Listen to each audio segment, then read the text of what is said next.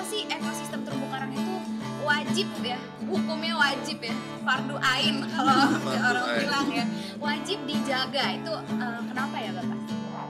Kita tuh ditetapkan sebagai negara mega biodiversitas. Aku juga sendiri baru tahu. Oh, iya.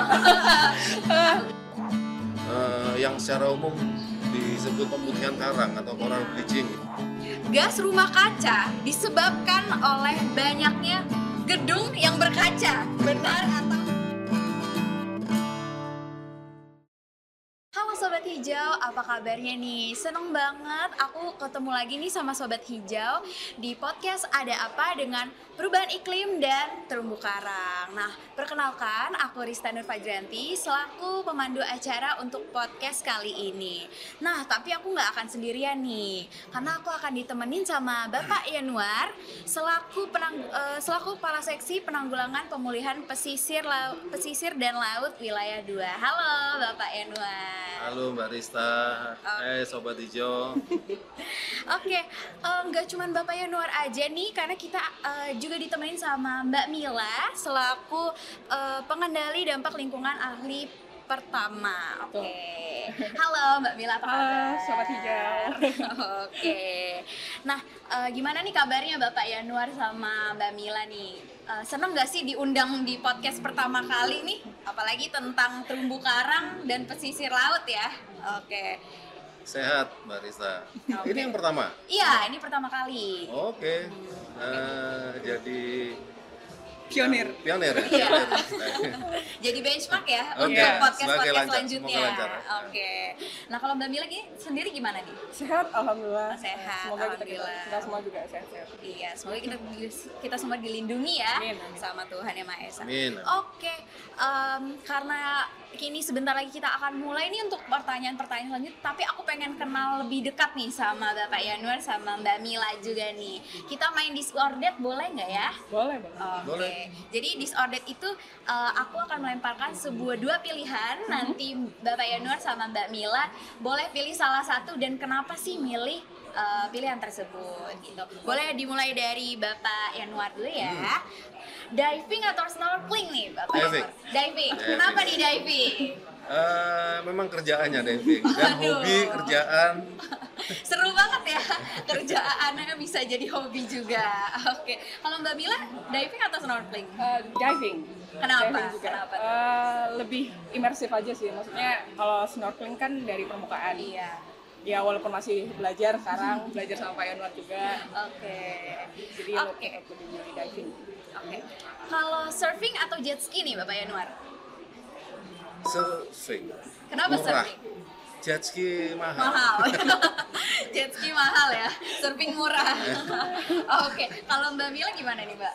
Surfing juga kayaknya, meskipun nggak bisa ya. Oke. Cuma kayaknya s- lebih lebih seru. Eh, tapi pernah nggak sih melakukan surfing? Belum. Belum ya. Tapi ada keinginan nggak? Kalau misalkan disuruh pilih nih, aku pengen surfing atau jet ski dulu nih, gitu. Jadi wishlist Eh. dulu dong. Ya, mungkin surfing sih. Oh, mungkin surfing. Tetap Karena seru mungkin ya, Ya. berselancar gitu ya. Nah, eh, kalau Pak Yanuar, gunung atau pantai? Waduh. Pantai. Oh, pantai dong, pasti kan pesisir laut dan terumbu karang ya. Oke. Kalau Mbak Mila gimana nih? Kalau plot twist, waduh, Eh, tiba-tiba enggak. pilih gunung. Enggak, pantai, pantai. Tetap pantai. Tetep ya. Ah, Oke. Yang terakhir nih, Nemo atau Dory? Aduh. Nemo Nemo. Nemo. Kenapa Nemo nih, Bapak? Paling sering jadi objek eh, fotografi bawah laut. Oh iya, karena dia paling mentereng sendiri ya warnanya ya, Nemo ikan badut ya. Kalau Da- Mbak- dari angle mana aja bagus dia. Iya, betul banget. Kalau dari Mbak Mila sendiri, Eh, Dory, kenapa Dori? Makanannya itu ikan, ikan. digoreng. Oke. Eh, ini sih ya karena apa ya terpapar pertama itu dari karakter film dan suka sama karakternya jadi Iya. gitu, yang ada di Finding Nemo. Oh di Finding Nemo Dorinya lucu ya. Lucu. Heeh. Terima kasih Mbak Mila dan Bapak Yanuar. Kita Sama-sama. udah warming up nih, udah siap nih dengan pertanyaan-pertanyaan yang akan aku lontarkan nih untuk Bapak Yanuar dan Mbak Mila.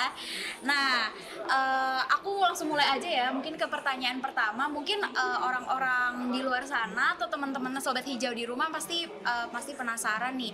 Atau mungkin banyak yang belum belum tahu ya, apa sih sebenarnya definisi dari terumbu karang dan kenapa sih ekosistem terumbu karang itu wajib ya, hukumnya wajib ya, fardu ain kalau Fardu orang ain. bilang ya, wajib dijaga itu eh, kenapa ya bapak?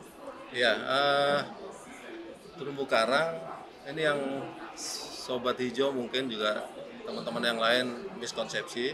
Eh, terumbu karang itu adalah hewan, ya hewan bukan tumbuhan.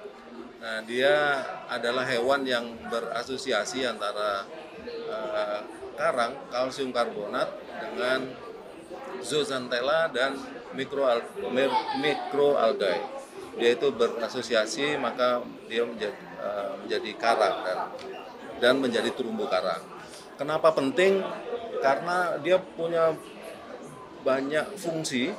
Eh, fungsinya banyak banget terumbu karang itu. Ada fungsi penahan ombak, ada fungsi pemijahan, ada fungsi pembesaran anak anakan ikan, ada fungsi untuk pariwisata itu yang sa- sangat penting dan bisa men- apa meningkatkan pendapatan daerah ya itu untuk diving, snorkeling. Karena kalau nggak ada terumbu karang yang indah ya nggak ada wisata wisata tersebut. Itu, itu beberapa fungsi lah ya mungkin Mila bisa tambahin. Ya, eh, seperti yang dibilang sama Pak Yanwar tadi ya, eh, banyak sekali, bahkan eh, beberapa temanku juga tanya ke aku, oh Mil, ternyata terumbu karang itu bukan tanaman ya? Bukan, itu tuh hewan. eh, Waduh, kayak aku gitu. juga sendiri baru tahu Oh, iya. aku kirain terumbu karang tuh tumbuhan Iya, gitu. heeh. jadi eh, apa ya sama sama seperti kita bahwa eh, jadi terumbu karang itu dia terdi, eh, terdiri ada ada hewan kecil banget dia tuh namanya polip. Jadi nah eh, polip ini tuh sebenarnya masih satu keluarga sama ubur-ubur sepupu jauhnya lah istilahnya Ah, sepupu jauhnya tapi dia tuh masih satu keluarga. Nah eh, dari daur hidupnya juga itu itunya tuh mirip gitu sama ubur-ubur cuma dia ukurannya kecil seperti yang dibilang Pak Yanwar tadi dia tuh bersimbiosis sama alga. Eh, karena dia hewan sama kayak kita dia tuh menghasilkan karbon dioksida karbon dioksida. Karbon dioksida eh, karena di laut dia berikatan sama CaCO2 Sebenarnya background tekinnya keluar nih. Nah, keluarkan nah aja, itu yang bikin dia tuh menjadi berkapur gitu istilahnya. Nah eh, struktur kapurnya itu sebenarnya buangan hasil metabolisme semakin semakin lama dia bermetabolisme maka ukurannya akan semakin besar. Nah satu terumbu karang itu bisa ribuan polipnya tadi itu. Jadi satu satu ya mungkin eh, single line terumbu karang gitu tuh sebenarnya banyak polipnya ribuan bahkan. Oke oke. Waduh. Nah, tadi kan katanya harus dijaga nih ekosistem. Hmm. Kalau di Indonesia sendiri nih, kayak apa sih terumbu karang kita?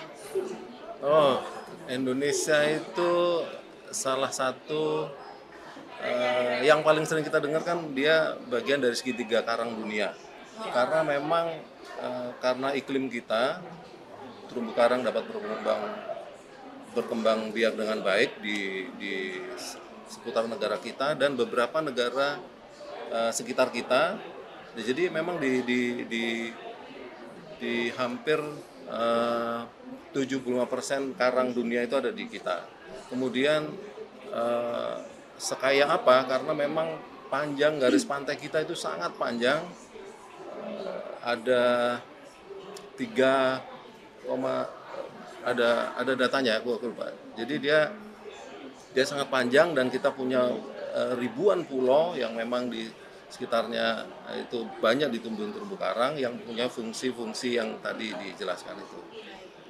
Kalau menurut Mbak Mila sendiri gimana nih? Kayak apa sih terumbu karang Indonesia? Eh, ya, jadi eh, sebelumnya karena kebetulan aku apa nulis karya tulis yang dilombain sama ini, jadi ada beberapa ingat beberapa fakta gitu ya. Eh, kalau nggak salah sih dikeluarin sama KKP itu bilang eh, luasan Indonesia itu 1,3 persen dari luasan seluruh, eh, misalnya satu bumi gitu ya, seluruh dunia. Eh, tapi dengan 1,3 luasan tersebut kita tuh ditetapkan sebagai negara mega biodiversitas nomor dua kalau salah setelah Brazil. Nah yang salah satu menyumbang itu terumbu karang ya karena luasan eh, Indonesia itu kan paling besar lautnya, kan iya. dan terkenal kalau eh, terumbu karang ya maksudnya dan yang hidup bersamanya ikan dan segala macam itu tuh eh, kita eh, sekitaran Indonesia terus apa sih Filipina dan itu tuh itu yang paling diverse jadi emang apa ya eh, banyak orang luar yang itu yang justru melakukan researchnya itu di Indonesia karena da- ya itu dia tuh sangat diverse gitu Oke. gitu sih Oke.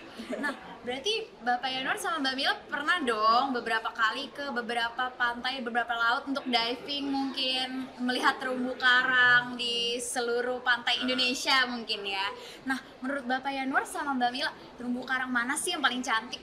Eh, jadi karena memang pekerjaan dan hobi gitu ya pe- pekerjaan kita memang melakukan monitoring terumbu karang salah satunya ya monitoring terus memulihkan terumbu karang juga yang rusak gitu. Jadi kita memang sudah melakukan survei dan monitoring beberapa lokasi di Indonesia. Selain untuk pekerjaan juga untuk eh, fun dev atau wisata. Iya. kalau ditanya mana yang paling cantik, eh, sebenarnya hampir di sebagian besar di perairan Indonesia itu bagus-bagus, cantik-cantik dan eh, cuman kalau ditanya yang paling memang kalau eh, bukan urutan ya, tapi kalau yang cantik memang terumbu pastinya Raja Ampat, Raja Raja Ampat. Labuan Bajo, Waduh. terus Tiap tahun dulu. Ya kebetulan kita juga ada beberapa kegiatan di masing-masing eh, lokasi ini Labuan Bajo, kemudian Bunaken, di Bali juga Bali itu juga lengkap ada wisata-wisata untuk ada kapal karam ya, wreck dive atau memang melihat terumbu karang aja. Jadi ba- banyak wisata terumbu karang yang bisa dilihat di Indonesia bagian barat juga ada di di Mentawai, di Lampung itu juga banyak. Di Derawan, Kepulauan Derawan di Kalimantan juga. Itu hampir semuanya keren-keren kalau di Indonesia itu. Semuanya wishlist aku nih. ragamnya. Amin amin. Terus kita semua. Iya, ini di samping wishlist kita bagus semua. Tadi juga beragam banget Beragam, jadi diverse banget kalau dibandingkan dengan negara lain Wow. Kalau Mbak Mila gimana nih? Menurut Mbak Mila? Eh, aku hanyalah setitik debu kalau di Bandung Pak Yanwar ya.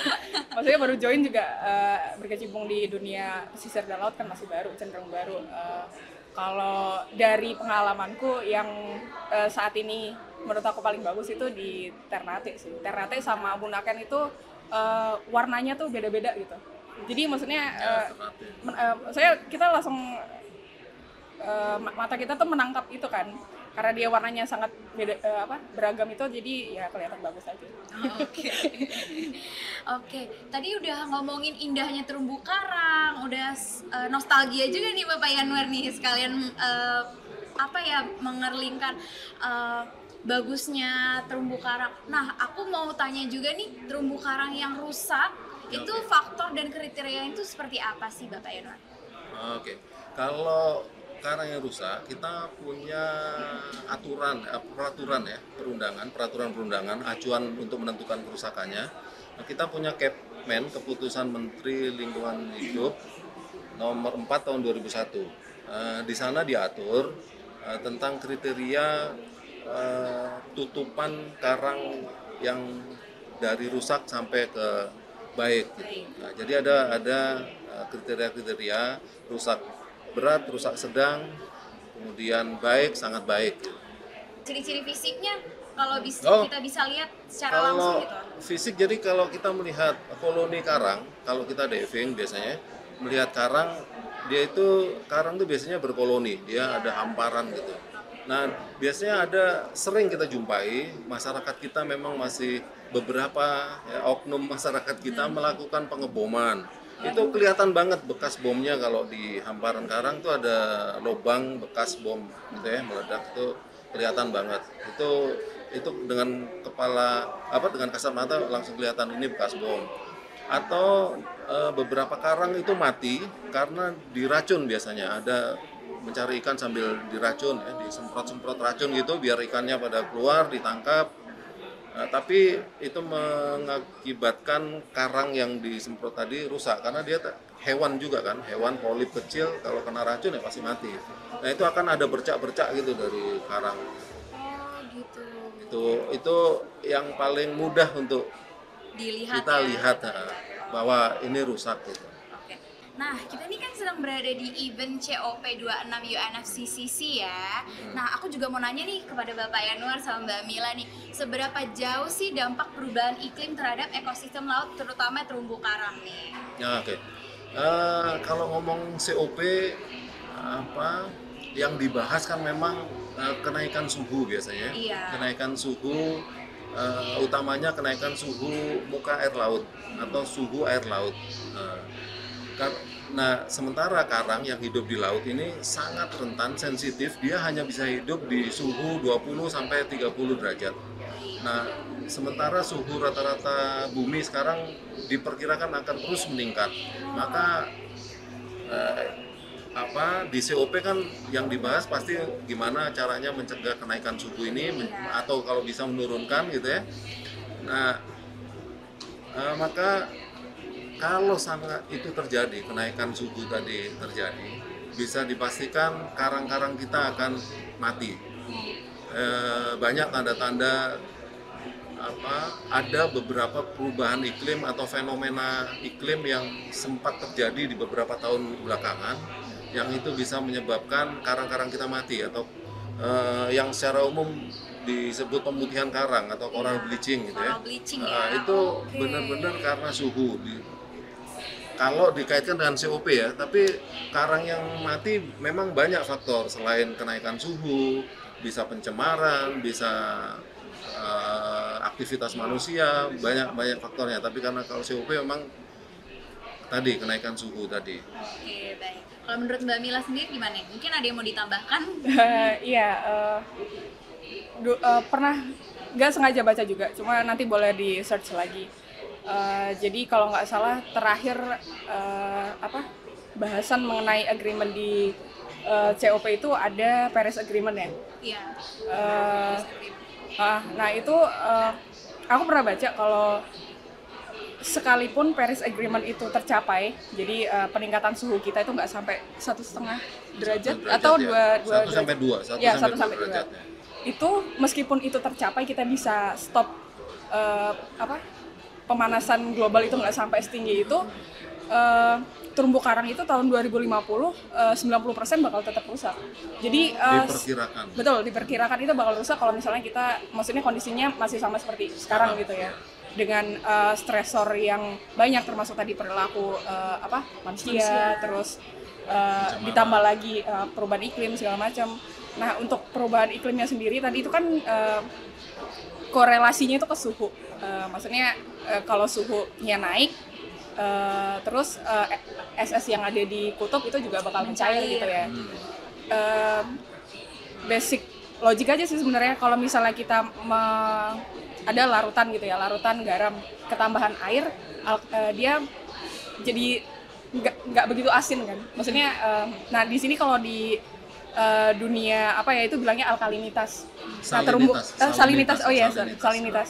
Nah terumbu karang tuh suka sama eh, dia punya certain degrees eh, salinitas yang bisa dia eh, yang optimum untuk pertumbuhannya. Nah, kalau misalnya ini nanti eh, apa sea level rise eh, apa sea levelnya naik otomatis itu itu pertama. Jadi maksudnya eh, alkalinitasnya pasti bakal menurun, suhunya makin hangat, terus nanti eh, apa ya pertumbuhan terumbu karangnya udah pasti jadi nggak optimum. Kalau misalnya udah nggak optimum rentetan kejadiannya banyak. Kita kekurangan makanan. Dampaknya banyak ya. Betul, Dampaknya kita banyak. kekurangan makanan padahal 60% sumber protein Indonesia itu dari ikan. Bisa Iya. bayangin dong dan eh, maksudnya eh, banyak juga kegiatan dari kementerian-kementerian itu ya terutama KKP atau Kemenkomarves itu udah proyeksi eh, tahun 2000 sekian itu eh, makanan kita tuh kita bakal banyak relay ke laut kalau misalnya lautnya rusak terus gimana dong kita juga yang sebenarnya yang kesusahan tuh nanti kita sendiri jadi eh, selagi masih bisa jaga ayo dijaga Oke, aku juga sekalian mau nanya nih pertanyaan yang esensial banget. Kenapa sih terumbu karang itu menjadi ekosistem yang esensial untuk siklus karbon? Oke, eh, karang karang itu terumbu karang itu dia mempunyai fungsi salah satunya juga eh, menghasilkan karbon. Eh, dia 20 sampai 30 persen kemampuan karang per meter persegi itu bisa menangkap karbon. Eh, eh, jadi dia sangat apa? Dia sangat penting bagi eh, selama ini kan apa kemampuan itu di dianggap hanya dari tumbuhan-tumbuhan yang ada di daratan gitu ya. Padahal fung- terumbu karang juga fungsi yang sama dengan dengan pohon yang ada di daratan tadi gitu. Dan dia tadi fung- fungsi fungsi yang tadi kita jelaskan di awal tadi, fungsi fungsi pemijaan, fungsi itu kan esensi banget buat uh, buat kita semua. Uh, ekosistemnya Iya, juga ya. ekosistemnya. Oke baik. Tadi kan udah nih sempet-sempet di mention nih ya eh, apa namanya pemutihan terumbu Ah, karang atau coral coral bleaching, bleaching. ya. Nah apa sih itu? Mungkin sobat hijau pasti belum banyak yang tahu ya apa sih itu coral bleaching. Boleh dong Pak Yanwar atau Mbak Mila dijelasin nih untuk teman-teman sobat hijau yang di Iya. rumah. Jadi coral bleaching kalau pemutihan karang, jadi memang dari namanya aja sudah pemutihan karang. Memang karang yang tadinya berwarna-warni tadi Ya. disebutkan itu tiba-tiba memutih, tiba-tiba memutih. Nah, tinggal dicari sebabnya kenapa ada ada terjadi pemutihan karang. Banyak faktor memang kalau pemutihan karang. Ah, tadi yang sempat saya sampaikan di apa sebelumnya, salah satunya adalah kenaikan suhu air laut. Itu juga akan mempengaruhi eh, pemutihan karang. Ada kejadian fenomena di tahun 2016 di eh, apa Great Barrier Reef di Australia itu terjadi pemutihan yang sangat masif. Waduh. Eh, itu 2016 itu akibat eh, fenomena fenomena iklim juga waktu itu. Itu memutih semua. Kemudian kenapa Se- eh, selain kenaikan suhu tadi bisa juga karena penyakit atau bakteri. Eh, kalau kenaikan suhu maka satu koloni karang itu akan putih semua. Tapi kalau karena penyakit dia memang dari dari koloni itu hanya ada bercak-bercak putih gitu yang itu bisa diperkirakan dari penyakit gitu ya penyakit karang. Itu dari bisa juga yang ketiga dari yang namanya uh, cancer apa? Crown of thorn atau uh, bulu babi crown of thorn. Jadi dia kayak kenapa dinamakan crown of thorn? Uh, karena memang kayak mahkota ini bulu babi ini. Dia uh, apa makanannya itu karang. Dia itu memakan karang. Dia memakan karang nah itu begitu polipnya dimakan tinggal kalsiumnya tadi putih dia akhirnya. Ta- tapi itu kelihatan tuh oh ini putih karena dimakan alta kanker gitu. Oke. gitu. Terus ada juga karena pencemaran. Karena pencemaran bisa juga uh, intrusi zat-zat pencemar dari darat ke laut yang itu juga akhirnya bisa menyebabkan karang mati Uh, dan akibatnya putih dia kalau udah mati gitu. Fakta unik ya, fakta unik yang baru aku tahu kalau misalkan terumbu karang itu bisa sakit. Dulu sakit ya. bisa. Karena Bisa kan hewan, hewan, kan dia hewan, ya dia kan hewan dia. Waduh, ini fakta baru ya untuk sobat hijau di rumah ya. Nah, kalau untuk eh, penanggulangannya nih, mungkin kan udah banyak yang sering terjadi pemutihan terumbu karang atau terumbu karang kena bom Hmm, atau hmm. ya yang lain masalah Ya. lainnya. Nah, program apa sih yang ada di Kementerian LHK nih khususnya di Jen PPKL untuk menanggulangi hal tersebut? Nah ini nih baru nih Semangat ya. Jadi kita dibilangkan dari uh, Dirjen Pengendalian Pencemaran dan Kerusakan uh, Lingkungan. lingkungan. Dan kami dari Direktorat Pengendalian Pencemaran dan Kerusakan Pesisir dan Laut. Jadi memang kita fokus di, di pencemaran dan kerusakan area pesisir dan laut. Di pesisir ada tiga ekosistem, Eh, karang, terumbu karang, mangrove, dan padang lamun. Ini mereka saling terkait eh, tiga ekosistem yang nggak bisa dipisahkan. Ka- Karena hari ini kita ngomong terumbu karang, eh, kenapa eh, bagaimana mencegah dan bagaimana memulihkan? Kebetulan tugas kami sehari-hari adalah eh, di seksi penanggulangan dan pemulihan ekosistem pesisir dan laut. Maka memang kerjaan kita ini memulihkan yang rusak-rusak akibat pencemar tadi. Kita ada kegiatan pemulihan di setiap tahun kita ada 4 sampai 5 lokasi yang harus kita pulihkan di di seluruh Indonesia. Eh, nah, tadi untuk memulihkan yang rusak memang banyak metode pemulihannya nanti bisa kita sampaikan metodenya apa saja cara memulihkan gitu. Oke, kalau menurut Mbak Mila nih sama Pak Yunus, eh, model upaya apa sih yang efektif nih untuk menanggulangi terumbu karang itu sendiri? Coba ada, Eh, mungkin mungkin ada beberapa yang efektif menurut Bap, eh, menurut Yunus sama Mbak Mila. Iya, tadi kan ada ada beberapa sebab tadi kan. Kalau Iya. yang suhu, oke lah kita serahkan pemimpin-pemimpin bangsa di dunia ini Oke. untuk menyelesaikan ini COP 26 yang sedang berlangsung. Oke. Tapi ada beberapa eh, akibat kegiatan kita yang memang bisa merusak langsung eh, terumbu karang. Tadi kalau pencemaran ya dengan aturan-aturan penegakan hukum hukum pencemaran pencemaran. yang harus ditegakkan. Tapi kalau akibat ulah manusia kan eh, apa manusia ini juga banyak yang masih mengeksploitasi terumbu karang ya, baik itu untuk bahan bangunan karangnya emang diang- diambil untuk eh, diperjualbelikan, untuk di ya memang diambil saja gitu, di, untuk dijualbelikan. Gitu. Eh, nah untuk mencegahnya ya kita harus mensosialisasi kepada masyarakat untuk tidak melakukan hal itu gitu. Yang pencemaran kita tegakkan, yang merusak kita sosialisasi. Kalau perlu ditegakkan hukum juga kepada mereka karena itu dilarang menurut Iya. aturan gitu ya. Hukum ya. Nah, Nah kalau yang udah rusak-rusak, bagian kita yang nanti memulihkan. Oke. Nah, sekarang. Nah, ini kan dari Kementerian LHK sendiri nih. Mm-mm. Nah, gimana sih cara uh, mengajak nih agar sobat-sobat hijau di rumah nih, uh, terutama generasi muda, bisa melestarikan ekosistem uh, terumbu karang ini nih untuk pesisir dan laut. Gimana sih uh, menurut Pak Yanwar sendiri? Ya, eh, tadi menambahkan juga yang yang yang sebelumnya. Kan sekarang itu kegiatan diving dan snorkeling itu kan lagi Maraknya booming ya, lagi marak gitu ya. Banyak banget teman-teman muda kita yang melakukan itu.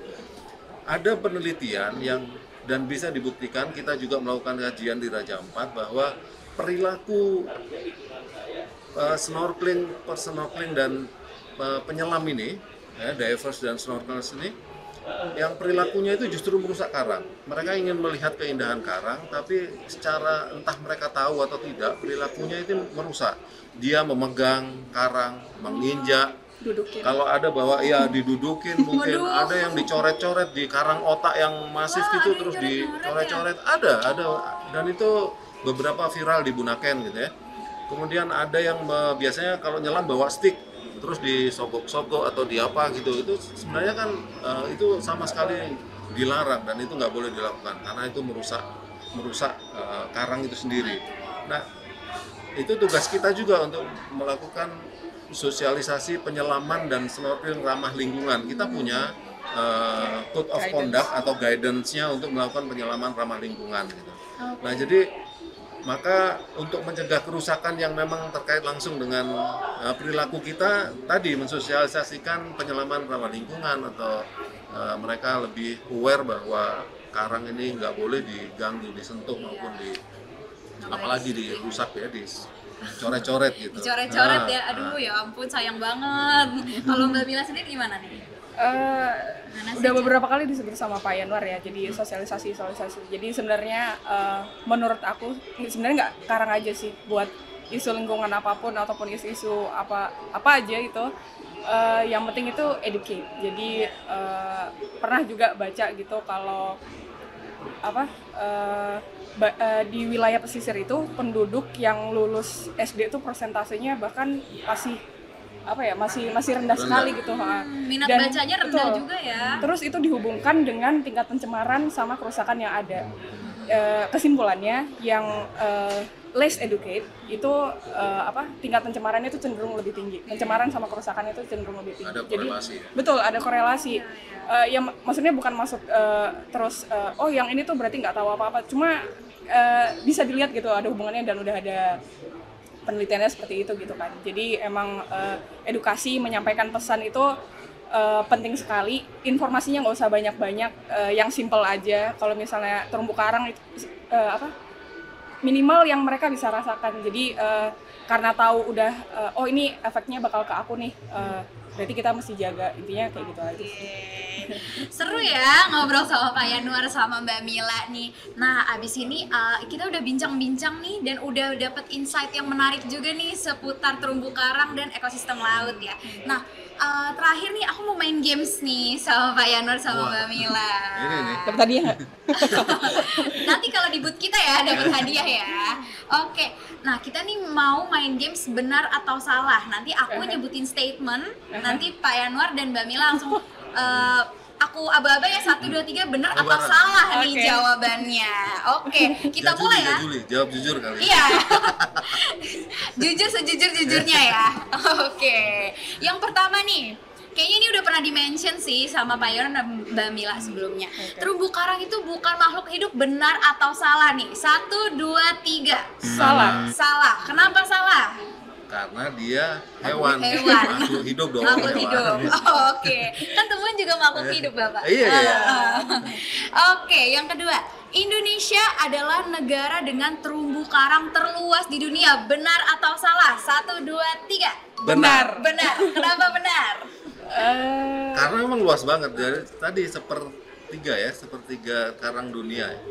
Sep- sepertiga luasan Indonesia dia dikategorikan sebagai tahu. Nah, nah, tapi ada dia memang ragamnya banyak juga Nah. luasannya juga sangat Iya. luas karena dia Oke. Uh, bagian terbesar dari segitiga karang dunia. Oke, oke. Selanjutnya nih, terumbu karang ad- eh, adalah sama dengan batu karang. Benar atau salah nih? Tiga, dua, satu. Salah. Salah. Kenapa salah? Waduh, aku baru tahu nih. Kirain terumbu karang sama sama batu karang. Eh, Kalau batu karang bisa jadi dia bekas uh, karang karang yang mati. Oh, Iya, karang gitu. yang Nah, karang tadinya yang hidupnya mati. di situ. Uh, Oh, iya. Tadinya di batu karang itu mungkin ada polip yang hidup di sana. Tapi karena uh, karangnya mati, tinggal kalsium karbonatnya tadi itu karang itu. Iya. Oh, itu jadi- banyak dijadiin bahan, bahan bangunan. Itu yang buat bahan bangunan Nah. tadi. Itu dieksploitasi Itu batu masyarakat. Kadang-kadang bahkan masih ada karangnya pun diambil. Itu yang jadi masalah. Waduh. Kalau mau cari karangnya mati, oke gitu ya. Walaupun itu nggak perlu juga karena dia punya fungsi penahan ombak untuk untuk pulau. Oh, gitu. Karang. Oke, berarti batu karang adalah terumbu dulunya terumbu karang ya? Iya. Mungkin. Ah. Mungkin. Dulunya terumbu karang. Oke, yang terakhir. Gas rumah kaca disebabkan oleh banyaknya gedung yang berkaca. Benar atau salah? Tiga, dua, satu. Salah. Salah. Kenapa nih salah nih? Mungkin sobat hijau pasti baru tahu loh. Kok beda ya? Gak efek rumah kaca sama gas eh sama gedung yang berkaca nggak ada hubungannya ternyata. Kenapa nih? Jadi kenapa itu sebenarnya kan meng- me- memudahkan menggambarkan bumi ada di dalam ruang berkaca. Oh, gitu. Jadi, nah gas gas-gas yang terakumulasi di atmosfer kita itulah yang akhirnya dijadi apa menjadi seolah-olah kaca. Jadi bisa dibayangkan kan kalau kita ada di ruangan sauna atau apa yang di dalam kaca sementara ada matahari masuk panas kan. Nah, bumi seperti itu kan di, dilingkupi oleh gas-gas buang Oke, gas tadi yang di, dibahasakan sebagai gas rumah kaca tadi. Oke, jadi efek rumah kaca itu ibarat ya Ibarat, sobat hijau ya. Dan ada kata-kata efeknya katanya. Iya, Efek, efek ya. gas Rumah- rumah kaca. Jadi Oke. sebenarnya self explanatory juga. Oke, menarik banget nih. Insight eh, yang menarik dan baru juga nih pasti untuk sobat hijau di rumah ya. Oke, terima kasih Bapak Yanuar, Mbak Mila Sama-sama. udah bisa Sama-sama. ngobrol sama aku. Pionir. untuk podcast yang pertama kali. Pertama ya, ya Oke, pertama. Iya, ini pertama kali. Eh, Mohon maaf juga kalau kita agak Ya gitu. Iya, ada yang nggak iya, namanya juga baru dijawabnya. pertama kali ya. Apa-apa. Aku juga minta maaf kalau misalkan ada kata-kata yang kurang berkenan ya, sobat hijau. Terima kasih dan sampai jumpa di podcast selanjutnya. Dadah. Follow sosial media di Jen PPKL dan jangan lupa dengerin episode selanjutnya di YouTube channel dan Spotify di Jen PPKL ya. Sampai jumpa sobat.